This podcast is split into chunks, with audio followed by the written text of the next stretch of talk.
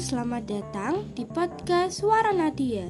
Kalian bisa dengerin podcast aku eksklusif di Spotify. Bagaimana kabarnya? Semoga baik-baik saja ya. Dan jangan lupa berterima kasih sama diri sendiri. Ada orang yang bilang seperti ini. Ngapain sih kamu suka sama fiksi? Ujung-ujungnya nggak bisa digapai juga kan? Aku tahu memang gak bisa digapai, tapi perlu diketahui, fiksi itu adalah obat dari segala obat. Nah, kalau menurut aku, cinta itu gak selamanya indah.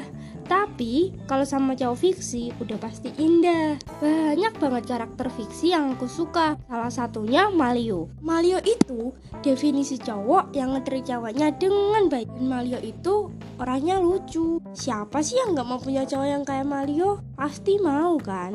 Satu-satunya tempat buat ngampiasin masalah selain ke cowok fiksi ya ke mana lagi? Justru dengan kita membaca alternatif universe contohnya, kita bisa meningkatkan mood kita daripada harus melukai diri sendiri. Ada satu kutipan yang bunyinya seperti ini Sejatinya memang fiksi itu emang gak nyata Tapi selalu membawa canda dan duka Daripada nyata udah ngebawa luka nggak bisa bahagia. Tuh pasti ada aja episode yang bikin nangis. Salah satu ceritanya. Tapi ketika kita sudah nangis dan lega, kita bisa beralih ke cerita baru yang sad ending itu seru, walaupun akhirnya akan nangis sesegukan. Mau sebutin apa pun dengan cowok di dunia kita, tetap cowok fiksi pemenang karena definisi cowok fiksi itu sempurna, cuman susah aja buat digapai. Biasanya kalau cewek lagi nggak baik-baik saja, mereka bakal lari ke cowok fiksinya.